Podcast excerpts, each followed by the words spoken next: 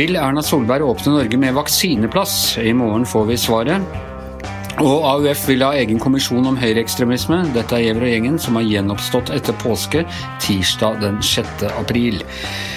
Ja, Astrid Mæland, nå begynner våre, våre, vårt søsterland i sør, danskene, begynner nå å åpne i dag.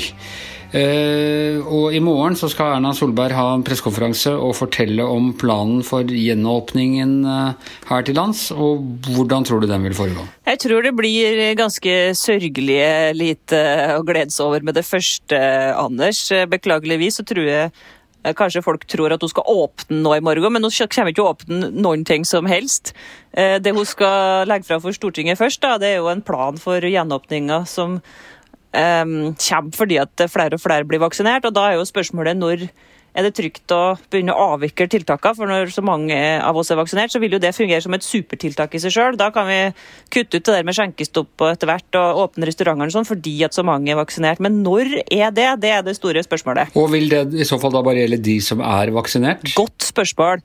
Kjempediskusjon både i Storbritannia og Danmark har vært, der de har uh, vært og satsa på et såkalt vaksinepass Eh, ikke bare for å reise til utlandet, sånn som vi er vant til, vet du, den gule boki, men òg eh, et pass som, eh, som, du har på mobilen din, som gir deg inngang til pub, restaurant, frisør begynner med i Danmark i dag, da.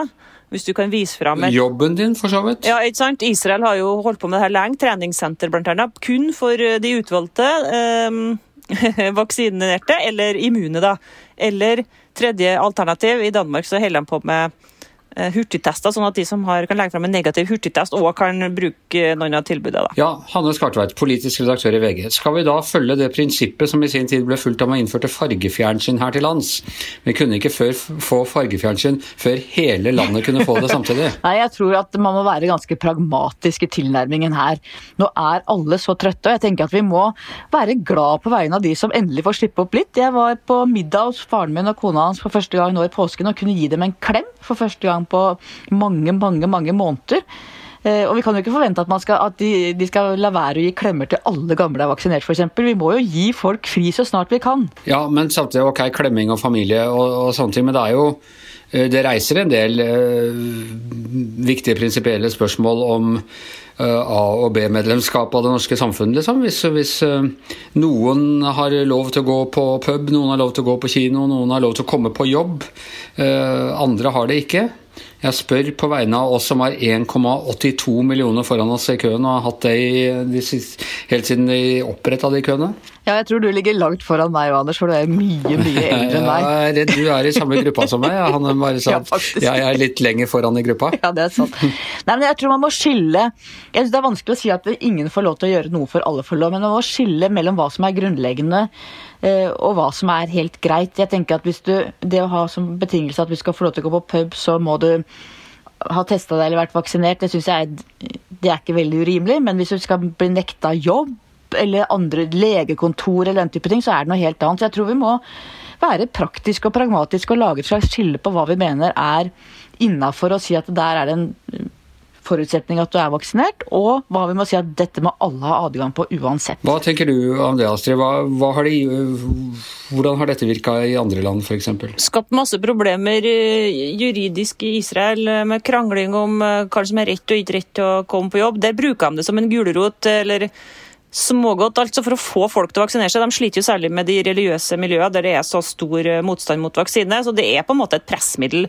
Og Hans Petter Graver Jusprofessoren har jo skrevet et eh, innlegg i VG tidligere i år, i februar, der han argumenterer godt for at eh, et sånt vaksinepass kan føre til vaksinetvang for dem som ikke vil ta vaksine, og som da får, får høre at de ikke kan komme på jobb, f.eks. Sånn at eh, hvis vi skal ha et sånt vaksinepass, så kan det i hvert fall ikke være opp til næringslivet å bestemme hvordan det her skal være. Det må være retningslinjer. Så jeg er enig med Hanne at det, vi kan ikke sitte og si at alle skal ha det likt, og derfor skal alle lide nå i to måneder ekstra eller tre måneder ekstra. Det blir jo helt latterlig. Men det trenger ikke å være et pass vi snakker om. Vi kan jo si eh, Regjeringa bør, mener jeg, eh, nå komme på banen og si at de som er vaksinert og er ferdig med vaksineringa, de vi får noen lettelser. Det kan jo f.eks. være at de slipper karantene når de skal inn i landet, for det er jo latterlig å, å sette dem i hotellkarantene. Og det kan være at de får beskjed om at de får lov til å dra på overnattingsbesøk med barnebarna, for det har de heller ikke lov til da. Det, det er ikke råda til. Det er jo altfor strengt, ikke sant. Og det er jo det alle forventer når de får en vaksine, at nå skal jeg jammen besøke barnebarna, sånn som Hanne snakka om, gi faren sin en klem. Så det må jo gå an å gi råd om det, uten å liksom nødvendigvis starte en sånn stor runde med en app og vaksinepass og sånn som kanskje blir en dataflause som ikke blir ferdig før vi har fått vaksinert hele landet. Ja, nei, for det, det minner meg litt om de der automatene som har stått på 20 år på trikken i Oslo, som skulle lese lesebillettene som de ikke har fått opp ennå. Å få til et sånt passystem som eh, fungerer der rent teknologisk, ville vært en kjempestor utfordring. Smitteappen har jo ikke akkurat vært noe suksess. Da, sånn at Når det gjelder å utvikle apper, og sånn, så har ikke det akkurat vært eh, veien ut av elendigheten. Men hvordan er, hvordan er køen nå, Astrid? Når, når, skal de forskjellige være vaksinert nå? Ja, Det er jo så stor forskjell. Nå begynner jo folk å, å vise fram vaksinemisunnelsen sin på Facebook. Særlig rettes mistanken mot Oslo, der det er så mange flere som er vaksinert i yngre aldersgrupper. Og det stemmer jo, fordi Oslo er hvordan er det igjen? Forfordelt? Eller eh, hvordan er det ordet igjen? Altså, Oslo får før, før oss andre, fordi Eh, de har begynt å, å sendt vaksinedoser den veien det er mest smitte, og eh, også fordelt etter befolkning og alder der. Sånn at det, det går litt fortere i Oslo faktisk eh, nå enn det gjør i andre kommuner. Du kan ha skikkelig uflaks hvis du f.eks. bor i Bærum så, eh, og har en like gammel venn i Oslo, så vil du merke forskjellen. Ja, og jeg merker forskjellen bare blant mine på Facebook-grunnen, og jeg ser det stadig, stadig flere som, eh, som, er blitt vaksinert. Men ja. vil vi f.eks. Eh, hvor langt vi ha kommet når skoleferien er over? Hva er, hva er liksom estimatene der? Det er jo det fortsatt jeg syns det er så uforståelig. Altså, men de sier at de skal gi den første dosen, tilby den første dosen til alle i løpet av juli. da, Ett stikk til alle over 18 år. og Jo dårligere nyheter vi får om vaksineleveranser, jo bedre blir jo det vaksinescenarioet. Så forstå det den som kan hvordan det går an at en million doser blir det blir bare, bare, gode nyheter. Så Jeg stoler fortsatt ikke helt eh, på de tallene der, da, men det er klart det kommer jo det er jo sant at det kommer mye mye større doser, eh, leveranser framover nå da, i april og mai, hvis det ikke blir noen problemer. da. Ja, Vi krysser fingrene. Hva, hva tror vi at Erna sier i morgen? Blir det sushiåpning? Nei, det blir skikkelig skikkelig sakte åpning. Altså, vi har jo, de prøver jo å marinere oss nå, hvis du har lagt merke til det. Utspillene i media er jo nei, det kommer til å ta lang tid. Slutten av mai, sier Bjørn Gullvåg, som er helsedirektør. Espen Nakstad sier at vi kan ikke åpne noe som helst før det blir 200, maks 200 smitta per dag. Og, eh, så det her er liksom eh, ikke noe, blir ikke noe gjenåpning i morgen, og det kommer til å ta lang tid. Og jeg har sett litt på Eh, FHI har sånn, eh, en modellering, eller et sånn framtidsscenario der de ser på framtida. Det, altså da, jeg vet ikke om du vil høre det, her, Anders, men eh, det er tiltak et år til. tiltak til april neste år. veldig lette tiltak, da, men, men der ser det ut som vi har en god del problemer foran oss, faktisk. med med, ja, De begynner å åpne opp litt i august, da, men eh, vi skal altså da holde på med smitte ut i januar. for at de ser for seg januar 2022 at det blir en smittetopp. For de ser for seg at det er så mange, såpass mange som ikke er vaksinert, eller som ikke er immune. Sånn at vi får problemer i yngre befolkning som blir innlagt. En 13-åring jeg kjenner er opptatt av at eh, nå kommer de til å lette tiltakene igjen, og da stiger smitten. og da må de stenge enda en gang. Og den 13-åringen var så sliten at han sa kan de ikke bare holde stengt til de har tatt det, da. De gjør det samme om igjen og om igjen. Helt riktig. Han er 13-åringen han er smart, for det er jo det vi har erfart det året som har gått. at eh, Det er ikke noe vanskelig å lukke ned et land, men det er vanskelig å åpne opp. og Der har vi jo feila minst tre ganger. Vi har åpna opp um, og fikk høstbølge, vi har åpna opp og fikk etterjulsbølge, og vi åpna opp og fikk påskebølgen. Sånn at hver gang vi åpner opp, så må vi jo lockdown igjen. Og Det er det vi skal unngå nå, så spørs det om det går an. Og Noen tiltak tåler vi jo helt godt, som f.eks. kan det godt hende at det der med å gå med munnbind, som man har sett i asiatiske land har vært mye mer eh, vanlig, at det kommer til å bli mer vanlig her også når, når hele dette er over. Hva tror du, Hanne? Gjenåpningen, blir det en ny merkedag i mai som vi skal flagge og fri fra jobben og sånne ting? En mellom himmelfart og pinselørdag eller noe sånt? Jeg må si at jeg håper veldig og intenst, men jeg klarer ikke å tro det. Ok, vi får se. Du, uh, annen sak som uh, vakte ganske uh, intens diskusjon i dag på vårt kommentarmøte, det var forslaget som AUF stiller. AUF kommer nå med en bok om 22.07. Og I den forbindelse så er det også lansert et forslag om å nedsette en kommisjon som skal se nærmere på uh, høyreekstremisme, eller ta for seg høyreekstremisme. Mandatet er vel ikke helt sånn formulert, det er jo bare et, et forslag. Men uh, hva syns vi om det? Jeg var jo veldig åpen i den diskusjonen på morgenmøtet. Instinktivt så tenkte jeg at det er jo en kamp vi må ta, og tar hele tiden, hver dag. Eh, at det å sette bort en kommisjon kan på en måte være litt bedre symbolpolitikk enn realiteter. Samtidig som veldig mange på vårt morgenmøte argumenterte veldig godt for at og det er jeg helt enig i at eh, AUF-erne som var utsatt for eh, dette terrorangrepet for ti år siden, opplever at samfunnet ikke har tatt de politiske bevegelsene, det høyreekstreme tankegodset, på alvor etter det. At når de føler at det vil være en viktig, eh, en viktig kommisjon for dem for å på en måte få eh, ikke reparert, selvfølgelig, men, for å oppleve at dette blir tatt på alvor, at det blir tatt et viktig skritt videre, så er det et veldig veldig vektig argument. Så jeg må si at jeg er i tvende sinn hvis det, hvis det kan bidra til og, og, og at vi bedre kan møte tankegodset. Det er jeg selvfølgelig for. Jeg er bare i tvil om det er det som er det riktige virkemidlet. Altså fordi Det jeg tenker kan være som er verdt å se på, det er hva har skjedd siden 22.07. En ting var det skjedde. Jeg tror som deg at det var riktig grep Eh, Jens Stoltenberg gjorde da, ved, ved å, å, vektlegge at dette var et angrep på oss alle. Eh, det fins ikke høyreekstreme partier på det norske Stortinget. Det er ikke noe sånn at man nå skal begynne å ta oppgjør med, med Frp på den måten. Men eh, høyreekstreme holdninger er blitt Eh, tydeligere eh, i, eh, over hele verden, også i Norge. I USA har det gått så langt som at du hadde et forsøk på et høyreekstremt statskupp, hvor de faktisk stormet Kapitolbygningen den 6. januar. En slags type Eh, en kommisjon som går inn i dette, slik vi har hatt ytringsfrihetskommisjoner, slik vi har kommisjoner som ser på liksom behandlingen av urfolk, eh, alle sånne ting, så syns jeg det er en ganske god idé. Så kan man aldri forhåndsgarantere at en sånn kommisjon kommer fram til en god rapport, men å se på utviklingen av høyreekstremisme ikke, Vi har tidligere liksom sett på høyreekstremisme litt som sånn nazisme og hakekors og nynazister og sånne ting, men, men altså, det er nå én ting. De vil alltid være Hollywoods skurker, på en måte.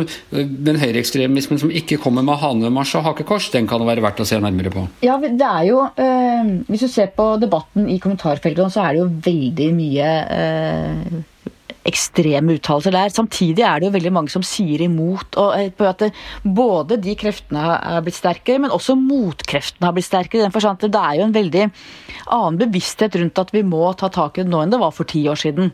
Før eh, angrepet 22.07. Eh, så jeg er litt usikker på på en måte nytten når det gjelder selve kampen mot høyreekstremisme ved å sette ned en sånn kommisjon.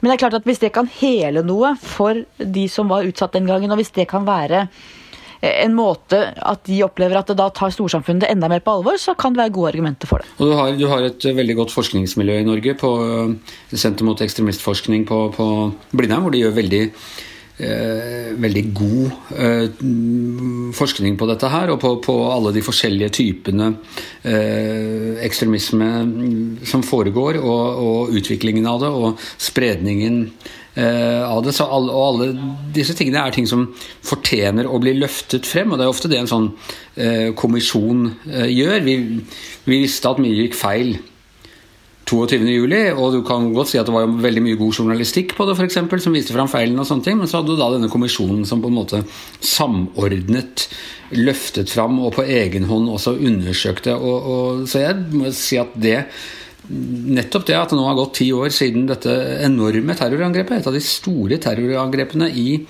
verdenshistorien, eh, som skjedde her i Norge. Eh, det har gått ti år. Eh, på mange måter kulminerte utviklingen med, med disse QAnon og Oathkeepers og sånne ting i, i USA. At en slags sånn oppsummering av det også vil være verdt det.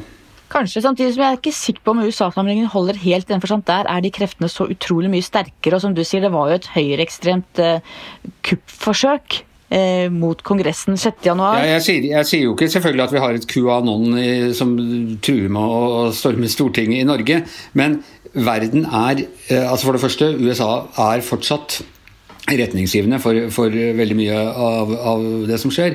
Og verden er Jorda er blitt flat pga. Eh, pga. måten vi, vi, kommuniserer på. Og hvis du går inn altså, Du kan gå inn på og se på eh, kommentarfeltene hos eh, mange politikere som liker å skrive om den type spørsmål, og se hva folk gir uttrykk for der under fullt navn, så er det ganske langt ute, altså. Ja da, jeg er enig i det. Og så lurer jeg på hvor mange det er, eller om det er på en måte veldig mange som mener det, eller om det er færre enn vi tror, men at de gjør det mye mer og mye mer høylytt. Jeg klarer ikke helt å bedømme hvor, hvor utbredt de oppfatningene er. Jeg sier at de er veldig sterke hos enkelte, men hvor omfattende Om på en måte du kan si at nordmenn er blitt uh, mer dratt den veien, eller mange flere er blitt dratt den veien, det er jeg usikker på. Samtidig, Nasjonal Samling hadde ikke mange, de var ikke engang valgt inn på Stortinget før krigen. Jeg kan ikke si at, annet enn at de ble et lite problem for oss. Så, så det er ikke alltid antallet som er problemet. Nei, jeg er enig i det, Anders. Jeg er enig. Nei, men jeg, så jeg er åpen. Jeg må tenke litt mer på Eh, på hva jeg mener om en sånn kommisjon, men jeg syns det er en interessant tanke. Ja, min frykt er mest at det blir et superråd. Det blir jo av og til sånne kommisjoner. Liksom, at det, Hvis de bare kommer til, fram til selvfølgeligheter, så er det ikke noe særlig vits i. Ja, det er det jeg tenker Anders, at hvis, hvis, det viktigste med den kommisjonen er at den blir nedsatt fordi at det har en symbolvirkning uten at det kommer noe mer ut av det, så kan du lure på hva er poenget. Er det andre måter å bekjempe høyreekstremisme på som er mer effektive da? Men det finnes andre måter, selvfølgelig, som en kommisjon ikke kan gjøre. men det det ene trenger ikke å utelukke det andre, Synes jeg. Nei, jeg tror ikke vi er så innmari uenige, Anders. Egentlig. Ok.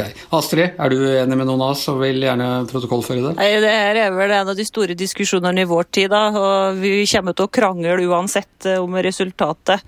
Eh, er det islam som er det store problemet? Er det høyreekstremisme som er det store problemet? Er det en ensom ulv, eller er det samfunnet som har lagt til rette for det her? Og jeg føler jo litt at En slags bestilling her er jo allerede gitt om hva som skal være resultatet av en sånn kommisjon. Jeg er veldig interessert i forskninga, egentlig. og vi har sånne gode miljøer at de kan bidra inn i en sånn kommisjon og oppsummere det. Men hvis det er et slags bestillingsverk, så er det ikke like interessant, da. Nei, men samtidig, Du kunne jo sett på om man burde hatt en kommisjon om uh, radikalisering ikke sant? og ekstremist, som også omfattet da religiøs uh, ekstremisme, islamisme og sånt. Ok, eh, vi blir ikke ferdig med det i dag. Vi kommer tilbake til dette senere, for Gjever-gjengen er over for denne første dag, tirsdagen etter påske. I hvert sitt hjemmestudio. Astrid Milland, Hanne Skartveit, jeg heter Anders Giæver. Produsent og kommisjonsleder er Magne Antonsen.